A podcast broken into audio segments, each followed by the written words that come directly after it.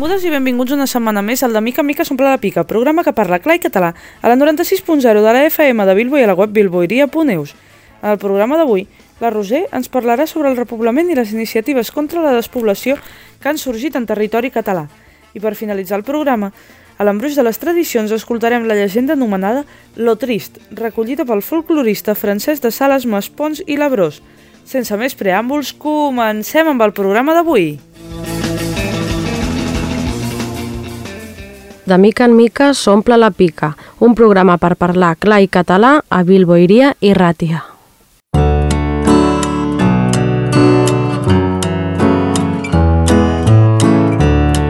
L'Aixopluc amb Roser Urgell. A Catalunya existeix un desequilibri territorial. El 90% de la població viu a l'àrea metropolitana de Barcelona i a les comarques costaneres, i el 10% restant viu a la Catalunya interior. Sovint això no es veu, ja que molts pobles són el parc d'atraccions de les persones de ciutat i s'omplen els caps de setmana o durant els mesos d'estiu. Sembla ser, però, que el temps que hem passat des de la pandèmia del coronavirus i, sobretot, el confinament ha fet créixer l'interès per marxar a viure de forma permanent una vida rural. Avui a l'Aixopluc, en el programa de Mica en Mica de Bilbo Iria i Ràtia, escoltarem les veus de persones que han iniciat projectes arran d'aquest any atípic i que estan canviant les coses pel que fa al repoblament i la valoració de la vida al món rural. Parlarem de les iniciatives contra el despoblament al territori català. Rellotge, fill de puta, els temps que t'has menjat. Moltes zones rurals, després de la pandèmia, han vist com les persones es movien pel territori i començaven projectes diversos per millorar la situació als pobles del món rural. És el cas de Repoblem, una iniciativa de Ton Lloret que lluita per frenar el despoblament a Catalunya a través de les xarxes socials.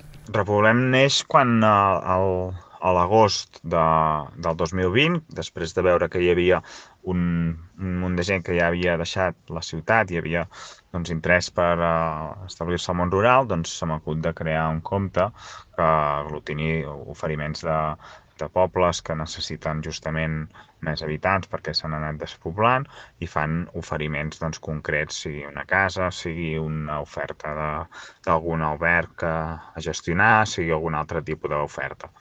I, i amb l'objectiu doncs, d'això de casar aquesta aquesta onada de gent o aquesta onada incipient de gent que s'està plantejant doncs, canviar el seu lloc de residència eh, i establir-se al món rural i, per altra banda, doncs, aquests micropobles, sobretot, que són els que més s'han anat despoblant i, i fruit d'aquest despoblament eh, doncs, viuen tota una, una sèrie de mancances a, a nivell de serveis, eh, a nivell d'infraestructures, etc. No?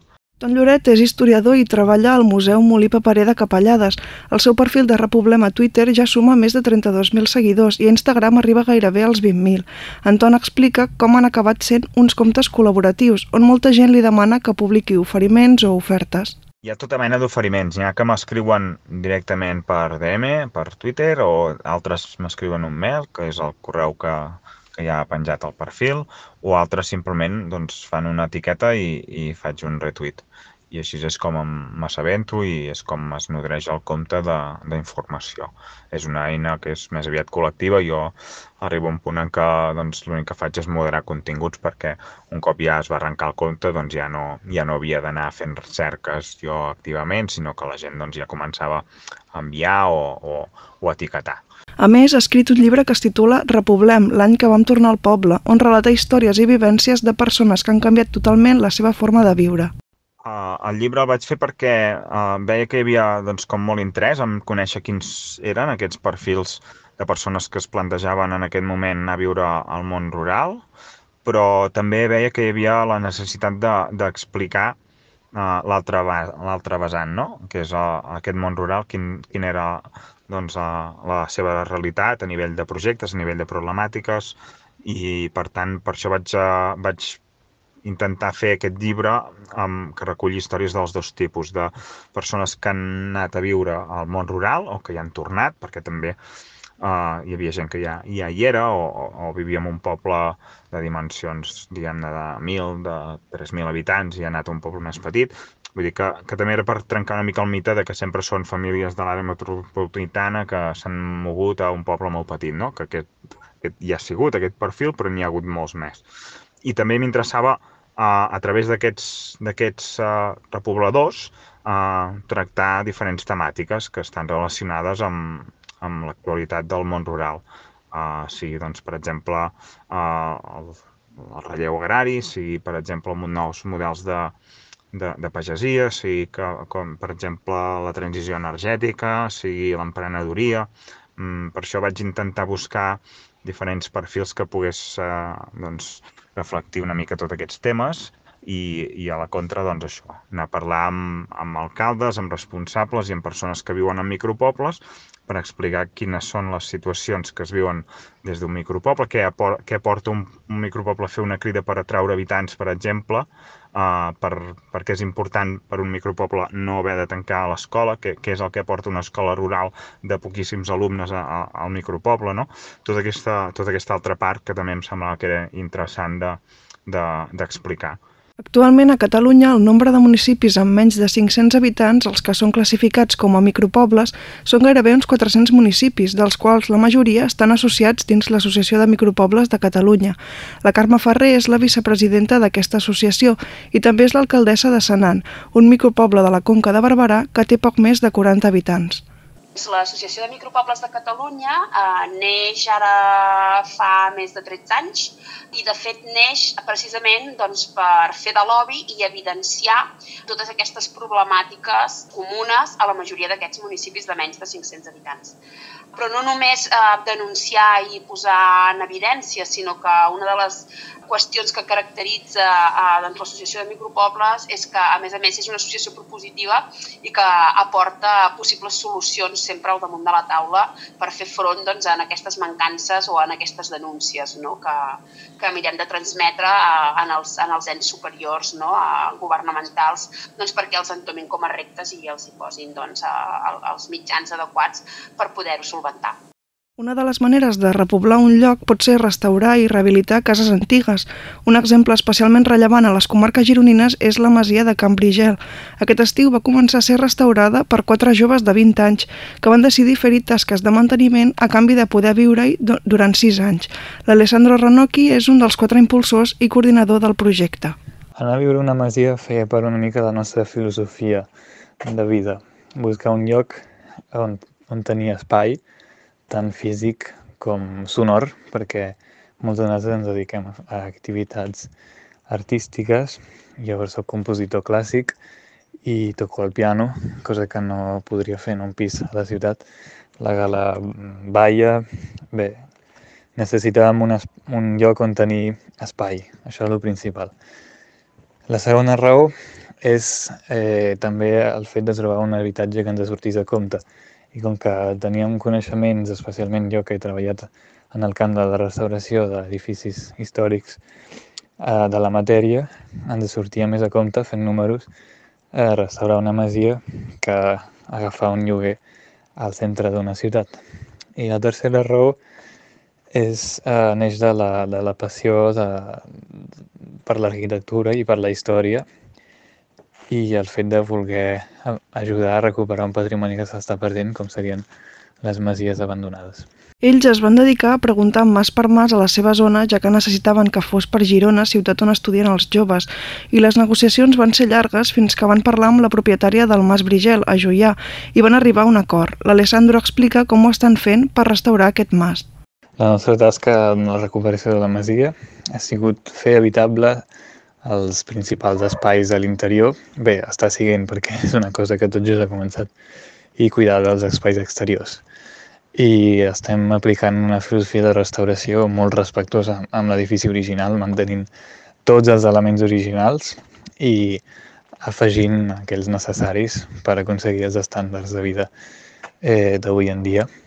Això implica materials iguals o semblants als originals, per exemple, calç, eh, rajoles de fang manual, etc.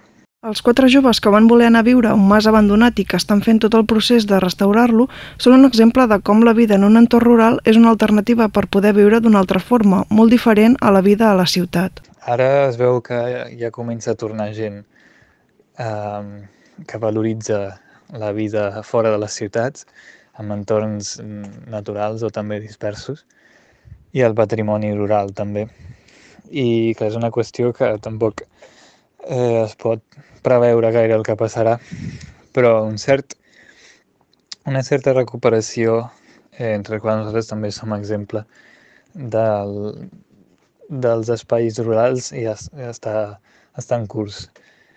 Però, clar, hi ha moltes masies abandonades eh, actualment a Catalunya i pobles sencers i, i és, sovint són masies amb molt de valor històric i arquitectònic.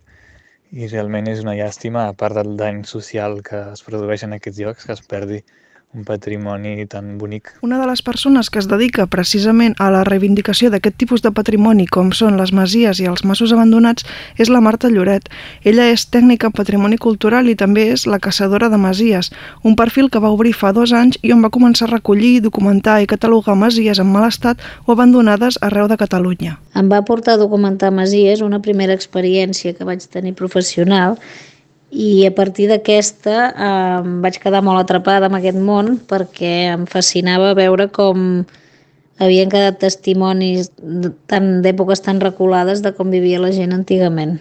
El meu objectiu principal és sensibilitzar al màxim de gent possible sobre els valors que té aquest patrimoni i fer denúncia de com l'estem perdent eh, en els últims temps i des de fa poc m'he proposat també aprofitar la repercussió que tenen les meves xarxes socials eh, per intentar ajudar i posar el meu granet de sorra per exemple, facilitant el contacte entre propietaris i masovers. El perfil de la Marta a les xarxes ja suma 27.000 seguidors tant a Twitter com a Instagram i ella explica què ha implicat tot això. La meva tasca ha implicat eh, que hagi pogut percebre que hi ha gran interès per part de moltes persones sobre aquest patrimoni i que són molts que ens preocupa la seva situació. També ha implicat que, mm, que hagi rebut algunes propostes eh, sobre com revertir eh, aquesta situació, cosa que em fa estar esperançada de cara al futur. Una manera de retornar la vida als municipis petits és obrint negocis. És el que va decidir fer la Judit Berniol, una emprenedora que va crear La Fornera, un forn artesanal a Biosca, un petit municipi de la Sagarra. Ella va començar com a autodidacta l'any 2013 i mica en mica va veure que ser fornera era realment la seva vocació. Volia recuperar l'essència de l'artesania i el que s'havia fet temps enrere. I al veure un forn centenari que no tenia vida, se'm va acudir, ja que m'agradava aquest ofici, tornar a recuperar i tornar-li donar vida.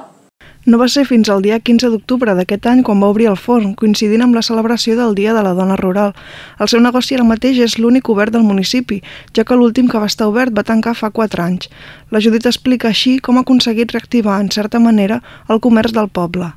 Doncs trobo molt important perquè aquí, sobretot, la població està molt envellida i molts no tenen transport. I llavors és la facilitat de que puguin trobar un bàsic com és el pa, i més endavant també faré una botiga, i puguin tornar a no haver de desplaçar-se o haver de comprar per internet i ho tinguin més a mà. Jo animo més gent a que facin el que sentin i que estiguin endavant a muntar projectes perquè trobo que l'artesania s'ha perdut molt i s'ha de tornar a recuperar l'essència. Hem de deixar de consumir en supermercats grans i donar vides als productors petits i la gent que ens dediquem a tota l'artesania i hem de tornar a recuperar aquesta essència que s'ha perdut i que anys enrere hi havia a tots els pobles. Hem de tornar a lo natural. Hi ha molts factors que indiquen que viure en un poble pot aportar molts avantatges, temes econòmics, temes mediambientals i de salut, tenir un major contacte personal i social amb els veïns i veïnes, crear més vincles de comunitat... Bé, els avantatges de viure en un poble o al camp és eh, estar en un entorn no massificat, proper, eh, socialment bo i també tranquil per poder dedicar-se també a activitats, per exemple, artístiques. Eh, és només un exemple de les moltes que es poden fer que necessiten tranquil·litat i, i reflexió la tranquil·litat, l'entorn eh, en, el que, en el que vius, eh, el sentiment també de comunitat, eh, la solidaritat, el president de l'Associació de Micropobles, en Mario Orrea, i alcalde de Torrebesses, ell sempre diu no, que en un poble, en un micropoble, ningú passarà gana ni, dormir, ni ningú dormirà mai al carrer. No? Doncs crec que aquest és un tret eh, tan humà eh, que ens caracteritza i és un dels, dels valors principals no, que, que jo destacaria doncs, de, de les comunitats, de les persones eh, que viuen en els micropobles. Tot i això, certes zones del país han estat afectades per la sortida d'habitants que han marxat a viure a les ciutats per diversos factors, però sobretot ha estat per qüestions laborals i oportunitats de futur, destacant que això ha afectat molt a la població jove. Com està ara el panorama del despoblament a Catalunya? A mi personalment m'entristeix molt perquè sóc un poble la Pobla de Lillet d'uns 1.200 habitants i ara estic un micropoble que no arriben a 200 habitants. Trobo molt important que es torni a repoblar perquè si no aquests pobles desapareixeran, al final ja no hi haurà vida i la gent se n'anirà a viure a les ciutats i és una llàstima perquè té una essència. El panorama del despoblament el veig bastant eh, obscur i que si les administracions no s'hi posen tan aviat com puguin, eh, tindrem un problema molt gran tant de despoblament com de accés a, a productes de primera necessitat i d'alimentaris sobretot. Segons el Ton, la situació no ha canviat tant, ja que sempre hi ha hagut despoblament. L'únic que ha fet capgirar una mica la situació ha estat possiblement la situació del confinament. El despoblament eh, comença fa un segle en molts llocs. Cada lloc té les seves particularitats, cada poble té la seva casuística, però segur que n'hi ha moltes que són generals, no? relacionades amb la industrialització, amb la dinàmica de, de l'agroindústria, amb la mecanització del camp, i bé, jo crec que el, el tema és que que, és, el que ha canviat mm, no és el despoblament en si, sinó que el despoblament ja, ja, ja es venia donant doncs, des de fa un segle, a partir del 1920, molts pobles mm, comencen a, baixar la corba demogràfica, això s'accentua després de, dels 50 també, i, i bé, i segurament mm, si no hagués estat per aquesta onada de, d'interès cap al món rural fruit de la pandèmia, fruit de, de, de, de replantejar-nos moltes coses i, i de, de ser més conscients tots plegats de que és molt important doncs, que tinguem un, un entorn immediat viu, doncs segurament del despoblament se n'hagués parlat tan poc com fins llavors, no? uh, potser és una de les coses que, que ha facilitat o que ens ha, ens ha portat per bé doncs, tota aquesta, aquesta pandèmia. Després d'haver viscut aquesta pandèmia de la Covid-19 es va notar la diferència entre viure en un entorn urbà o en un entorn rural, en molts sentits i aspectes diferents. En gran part, el confinament i la situació de tot plegat va fer que moltes persones valoressin la vida als pobles o a les zones rurals. L'epidèmia de Covid ha sigut una mica un detonant per molta gent que s'estava plantejant eh, tornar a la vida fora de les ciutats. Segurament un confinament tan llarg, amb un pis tan petit, amb una ciutat tan enorme, doncs ha fet reflexionar molta gent sobre realment la, la, com volen viure la vida. Crec que la pandèmia ha tingut un paper important amb aquesta embranzida que està agafant el repoblament i justament perquè la gent ha vist que la ciutat eh, potser sí que tens accés a molts serveis, però hi ha grans mancances en quant al que necessiten les persones, que és estar en connexió amb la terra. Arran de, de tot el que hem passat de la pandèmia, inclús els que hi vivim també ens han donat compte de la qualitat que tenim de viure en un poble, i això ha fet que molta gent eh, ho veiés de dir, ostres, potser que anem a viure al poble tindrem aquesta qualitat, estem estar més tranquils, de no estar en ciutats tan grans, tan massificades, i també l'alcalde va fer un reclam perquè vingués a viure a Higiene, a poble, regalant algunes cases i la gent ha començat a venir a viure aquí. Jo crec que una flor no fa primavera. Què et vull dir amb això? Doncs que sí que segurament hi ha hagut persones que han aprofitat doncs, la benentesa per fer aquest, aquest canvi de vida, no? tirar endavant el seu projecte de vida en els micropobles o a poble o a les zones rurals. Segurament hi ha gent que en algun moment ja s'ho havia plantejat, el fet, aquest, el, el fet de fer aquest salt o de fer aquest canvi, i que la pandèmia doncs, els ha acabat no, doncs, de convèncer o d'impulsar per fer-los. En realitat, si miréssim en general les estadístiques, eh, em sembla que no hi ha hagut tanta, tanta, tanta gent no, que, que ha, fet, ha fet aquest canvi. Va haver-hi en algun moment que els mitjans de comunicació eh, parlaven d'èxode, no? d'èxode urbà cap al món rural. Jo crec que aquest èxode no ha existit. Èxode vol dir pues, el que passa a Sud-amèrica, no? el, el que passa als països de l'est en el seu moment, gent que marxa eh, doncs perquè no té altres possibilitats per seguir vivint allà on viu. I en aquest cas crec que aquest èxode no, no, no ha existit aquí, sinó gent doncs, que s'han adonat que potser en altres espais, en altres llocs, en aquest cas al món rural, doncs, podien desenvolupar el seu projecte de vida en millors condicions i amb més en sintonia amb el que sentien. No? Arran de tot el que es va viure durant l'any 2020, moltes persones s'han animat animat a crear iniciatives que recolzen la vida rural als pobles i als micropobles. No se sap del cert, però, si, si això serà una cosa que anirà creixent cada vegada més o només serà un dels molts efectes que ha tingut el coronavirus en nosaltres. Hi ha moltes iniciatives, algunes de les quals eh, valoro positivament, no totes, Um, I sí, crec que aniran creixent i això és algo molt positiu perquè s'ha posat sobre la taula.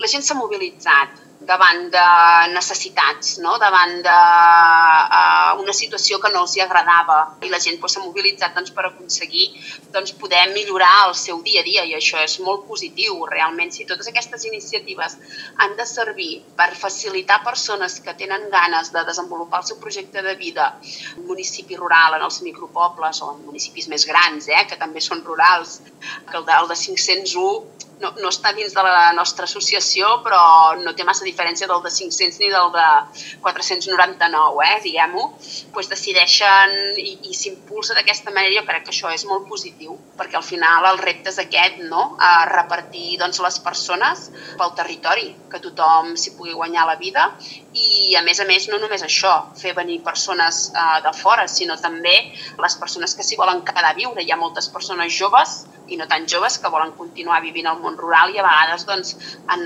han de marxar eh, doncs, perquè les possibilitats per desenvolupar els seus projectes de vida o les seves vides professionals doncs, no, no coincideixen amb les seves expectatives no? en aquest sentit i aleshores ho busquen a d'altres llocs i doncs és important que aquestes iniciatives eh, que neixen des de baix, aquestes iniciatives socials, doncs moltes vegades eh, fan més feina que les, eh, de les que som capaços de fer les pròpies administracions. I amb tot això, quines serien doncs, les accions a portar a terme per repoblar llocs que pateixen despoblament? Primer de tot, obrir les escoles si n'hi ha, perquè trobo que si hi ha serveis i escoles la gent és un reclam perquè vinguin, millorar les comunicacions d'internet, també seria un punt més perquè la gent pugui treballar des de casa, fer teletreball i bueno, oferir això, més serveis, més bones comunicacions en quant a transport, jo crec que seria un punt perquè vingués més gent a viure als pobles rurals. Sempre s'ha viscut com d'esquena al territori, no? Al, al món rural. El món rural sempre ha estat una mica al pati on anar a passar el cap de setmana, els ponts i l'estiu sense tenir en compte doncs, de tot el que rep i tot el que es gestiona i treballa doncs, des del territori.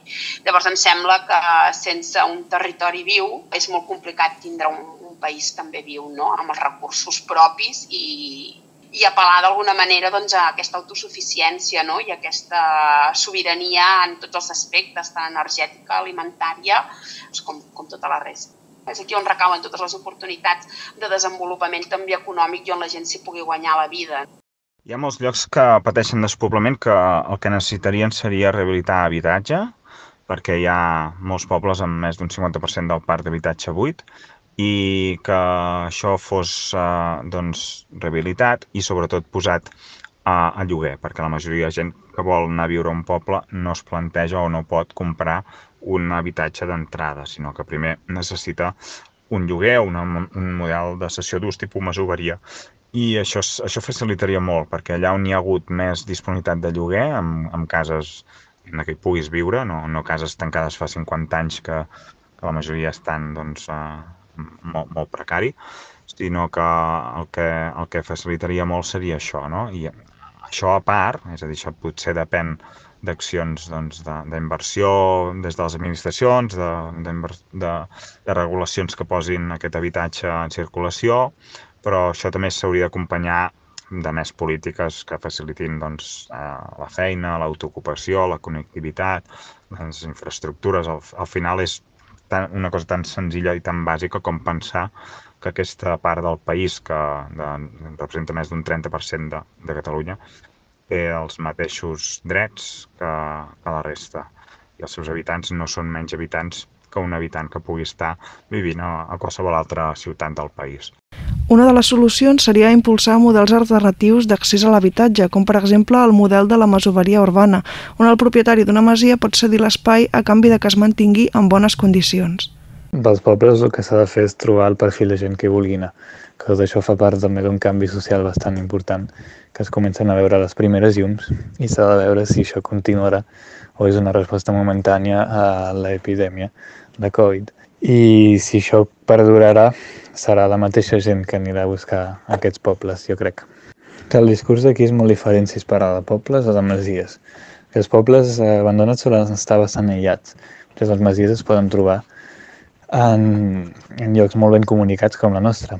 El problema sovint dels masos abandonats és que hi ha algunes baralles d'herències al darrere o deutes, però allà on sigui possible trobar un acord i jo crec que el més convenient és difondre el model de la masoveria que beneficia tant els propietaris com els masovers, com els masos i el, el conjunt del patrimoni i també afavoreix en gran mesura el repoblament de, de moltes zones rurals. Doncs jo concretament vull posar en marxa un servei i estic ara mirant com fer-ho, un servei per, per facilitar el contacte entre propietaris i masovers i també fer-ho de forma que hi hagi un assessorament perquè a mi el que em preocupa al final no només és el repoblament, sinó que no es perdi aquest patrimoni. El que vull jo no només és que no es perdi aquest patrimoni, sinó que es restauri de forma adequada i per això crec que per posar masovers hi ha d'haver una supervisió tècnica de que s'estan respectant els valors de l'edificació. Amb tot, què és el que s'hauria de fer des de les institucions per revertir la situació? La inacció en aquestes problemàtiques que pateixen molts pobles del país ha portat a impulsar iniciatives com l'Agenda Rural de Catalunya, que pretén analitzar els reptes del món rural per aconseguir l'equilibri territorial. Uh, des de les institucions l'únic que cal és voluntat política. És un, és un tema molt complex perquè com que mm, s'ha produït durant molts, uh, molt, moltes dècades i per tant toca moltes àrees diferents, el del despoblament, hi ha temes d'habitatge, hi ha temes de relleu agrari, hi ha temes de, de legislació, hi ha, hi ha molts temes. El que passa que, bé, només es pot resoldre uh, amb la voluntat ciutadana i, i intentant doncs, que posem en valor la vida uh, al món rural, que, que entenguem que també és atractiu i que és una opció a seguir, que fins ara doncs semblava que només hi hagués futur a les ciutats. Hem de, ens hem de creure com, com a ciutadans que el món rural eh, mereix i, i és un lloc que ha de ser atractiu per viure-hi. Mm, l'únic que faltaria seria això, posar-se de cara a la feina i entendre que és un repte de, de país. Jo crec que la supervivència dels micropobles no, no està com et diria, a la, a la UCI ni a la UBI. Jo crec que als micropobles hi seguirà vivint gent, hi seguirà vivint gent perquè hi ha gent que, que, que hi seguim i, i seguim volent viure. El que sí que és cert eh, és que sí que calen una sèrie de polítiques eh, encaminades a gestionar tot el territori en conjunt, pensar tot el territori en conjunt i no en zones rurals o en zones urbanes o en zones periurbanes, no? sinó que les polítiques eh, han d'anar en consonància amb un projecte de país. No? I penso que un primer pas doncs, és, per exemple, la redacció d'aquesta agenda rural de Catalunya, que el que pretén precisament és això, no? entomar i aportar propostes i prioritzar propostes propostes eh, que han d'anar encaminades doncs, a assolir aquest repte de l'equilibri territorial. Jo no tinc una fórmula màgica per, per trobar solucions que hagin de fer les institucions, però la més important que se m'acudeix és que hi hagi una institució que vetlli per això um, i a més a més um, és que de fet faria falta canviar el model socioeconòmic perquè um, la, la pagesia i la ramaderia estan cada cop menys, més menys preuades i més, són més residuals i justament això ha comportat l'abandó del camp i dels pobles. Um, crec que s'hauria d'anar per aquí, però ja et dic que tampoc tinc la fórmula màgica. Uh, D'altra banda, per, per afavorir el poblament en masies sí que se m'acudeixen moltes coses, com podrien ser l'exempció d'impostos quan tens entre les teves mans patrimoni cultural, l'exempció de permisos d'obres, um, um, incentivar que s'hi si fagin activitats agrícoles i ramaderes, um, un llarg etc. De fet, són moltes les mesures que s'haurien de prendre. Per la seva part, l'Alessandro comenta quina és la seva visió respecte a l'opció de llogar a llarg termini una masia que estigui en mal estat a canvi de conservar-la i així poder augmentar l'interès en la restauració de masies per anar-hi a viure. Que el bé de les institucions és que s'haurien d'implicar més en aquest tema. Pel que fa a les masies, seria oportú crear un organisme que s'ocupi de mediar entre propietaris i masovers, donar garanties de que els masovers duran bé a terme la seva feina i que els propietaris els respectaran. També seria important formar aquests masovers perquè eh, les masies tenen tot, a dins tenen gran patrimoni de, de tècniques constructives que es podrien perdre amb una reforma eh, ignorant eh, que també, encara que tingui bona fe, no, no es dugui a terme bé. I un últim punt i molt important seria facilitar eh, tot el que sigui el procés de reforma d'aquestes masies, perquè hi ha moltes barreres burocràtiques. La majoria d'aquestes cases no tenen eh, llum, ni aigua, ni, ni res. I és un gran problema portar aquests serveis en llocs aïllats i, i també no aïllats, eh? hi ha molts, molts entrebancs i, i si es pogués facilitar uh, aquestes tràmits o un organisme que es dediqués a, a aconsellar com, a, com, uh, com seguir aquest procés uh, en els masovers, eh, això seria molt interessant. La manca de recursos, d'infraestructures, d'equipaments, d'accés a habitatge de lloguer són alguns dels principals problemes de viure en un poble o en un entorn rural. Una de les coses bones que ens ha deixat la pandèmia de la Covid-19, però, és que s'ha demostrat, tot i semblar que només hi ha arguments en contra, que la vida al món rural ofereix moltes oportunitats. De mica en mica s'omple la pica. Argi eta katalanez hitz egiteko saioa Bilbo iria irratian. L'embruix de les tradicions, amb el Ball Morell.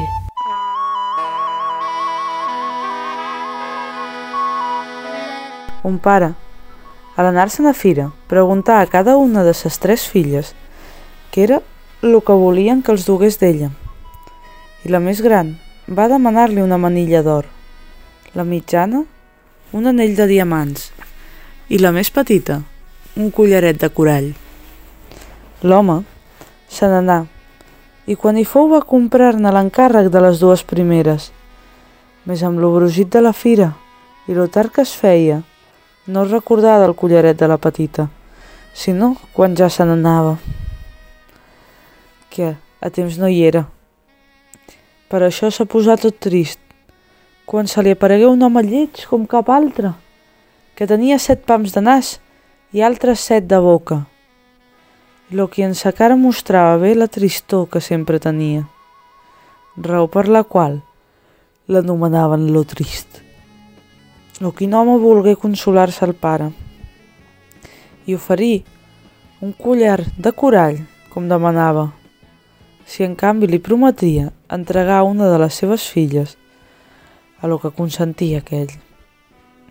Més prompte se'n penedí, i se n'hauria penedit més encara si no li hagués vingut cada volta que ho feia un gros mal de ventre que no li desapareixia fins a tornar, altra volta, a voler complir la seva promesa.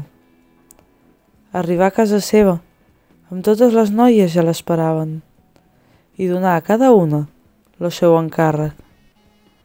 Més s'anà posant tan i tan trist que la noia més gran no puga menys que preguntar-li per què de la, a la seva tristesa. O explicar-lo pare i digué com n'havia promès una d'elles, més la gran no volgué anar-hi.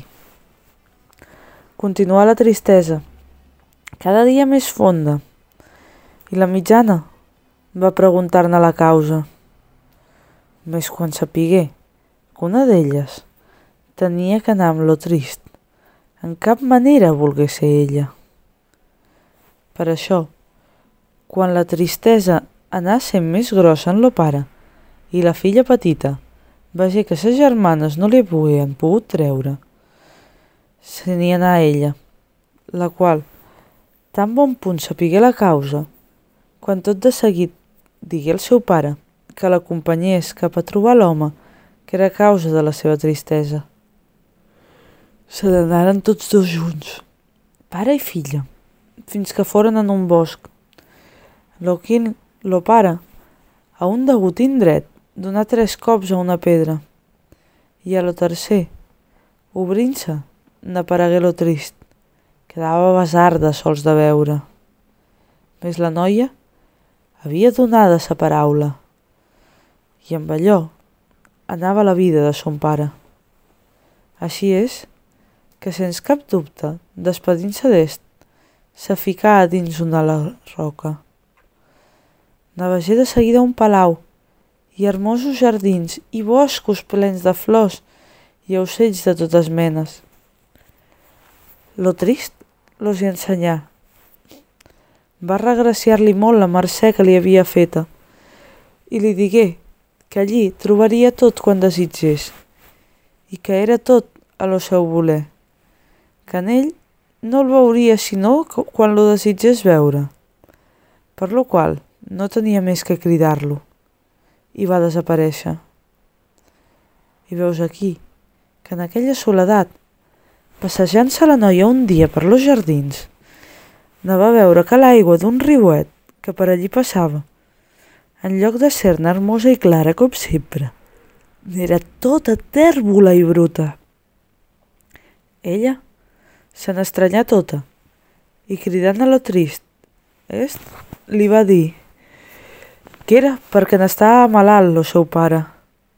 La noia li pregà que lo deixés anar-lo a veure, més lo trist, per por que no tornaria, no volia donar-li llicència, fins que per fi, a los seus pregs i llàgrimes, va accedir-hi, posant-li per condició que així que se sentís la campaneta de la seva cambra, ne tornés de seguida. Lo pare n'estava malalt, més quan vegé la noia, fou tan gran sa alegria que s'anà aparellant, apariant en gran manera, i tornà lo goig en la casa. Més un dia va sentir-se la campaneta assenyalada, i la noia, amb prou dolor de son pare i germanes, va tornar-se'n cap a lo palau a on vivia. Més al cap d'un quant temps, passejant-se la noia per lo mateix jardí, va veure que els ocells n'eren tot tristos i cap d'ells cantava. Va cridar lo trist i és, va dir-li que el seu pare n'era malalt altra vegada. Li demanà permís per anar-hi i li fou concedit, amb tal que tornés així, que la campaneta sentís. Lo pare n'estava malalt. Va anar guarint-se a poc a poc i quan ho feu va sentir-se la campaneta i la noia no tingué més remei, amb prou condol de casa seva, que en tornar-se'n al palau a on vivia. I quan hi fou, un dia tot passejant-se, va veure que tots els arbres tenien fulla seca i morta va preguntar-li al trist per què això succeïa, a sent primavera. El trist va dir-li que era perquè el seu pare estava molt malalt l'altra volta, de grossa malaltia. La noia va demanar per anar-hi i ell li concedí amb tal que tornés així que sentís la campaneta. Lo pare n'era molt malalt, així que la malaltia fou llarga i amb lo molt que amb la noia estigueren junts i lo que ella feia estimar-se, quan arribà a ser convalescent i quasi bo, començaren pare i germanes a tenir pena per quan tingués d'entornar-se'n i a preguntar-li que per què ho feia, pregar-li que no ho fes encara que sentís tocar la campaneta. Lo cas és que un dia aqueixa va tocar-ne i la noia si bé volia anar-se'n, tant i tant la pregaren que resolgué quedar-se. El matí següent, altra volta se sentí la campaneta i la noia amb llàgrimes als ulls los pregà que deixessin marxar-la. Més lo pare n'era tan trist i li anava demanava tant de veres que no pogué fer-ho. I el tercer dia tornà a tocar la campaneta, més amb un so tan mort i trist que la noia n'arrencà fugit, tota de pressa, sense dir-ne res als de casa seva. Arribar al palau, tota commosa, i començar a cridar per tot arreu el trist. Magest no responia. Corregué totes les cambres, lo bosc, lo jardí, i en lloc va trobar-lo, fins que en un racó d'aquest va veure unes roses, que eren les que ella més estimava, totes mústigues i caigudes. Veus aquí que va arrencar-ne una, quan tot de seguit va veure lo trist que li aparegué en forma de vell home i que l'explicà com ja quasi era mort per la seva tardança, que per males arts era encantat en lo palau i que l'arrencar la rosa per ella, tan volguda, lo havia desencantat, per lo qual, i en agraïment de lo que per ell havia fet de deixar germans i pares, aquella hora en endavant naixeria princesa, pues que ell era el fill del rei i la prenia per esposa.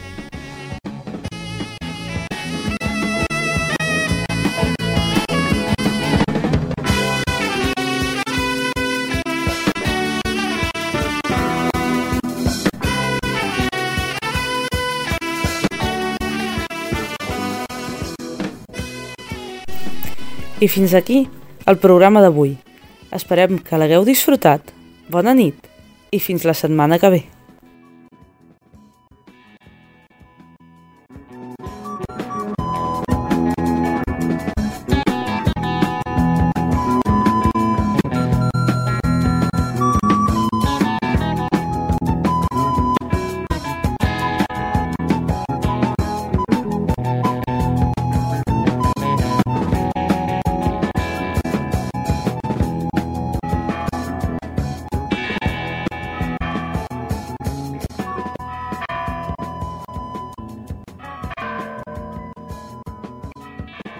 De mica en mica s'omple la pica, un programa a Bilboiria i Ràtia, al 96.0 de la FM o a la web bilboiria.eus.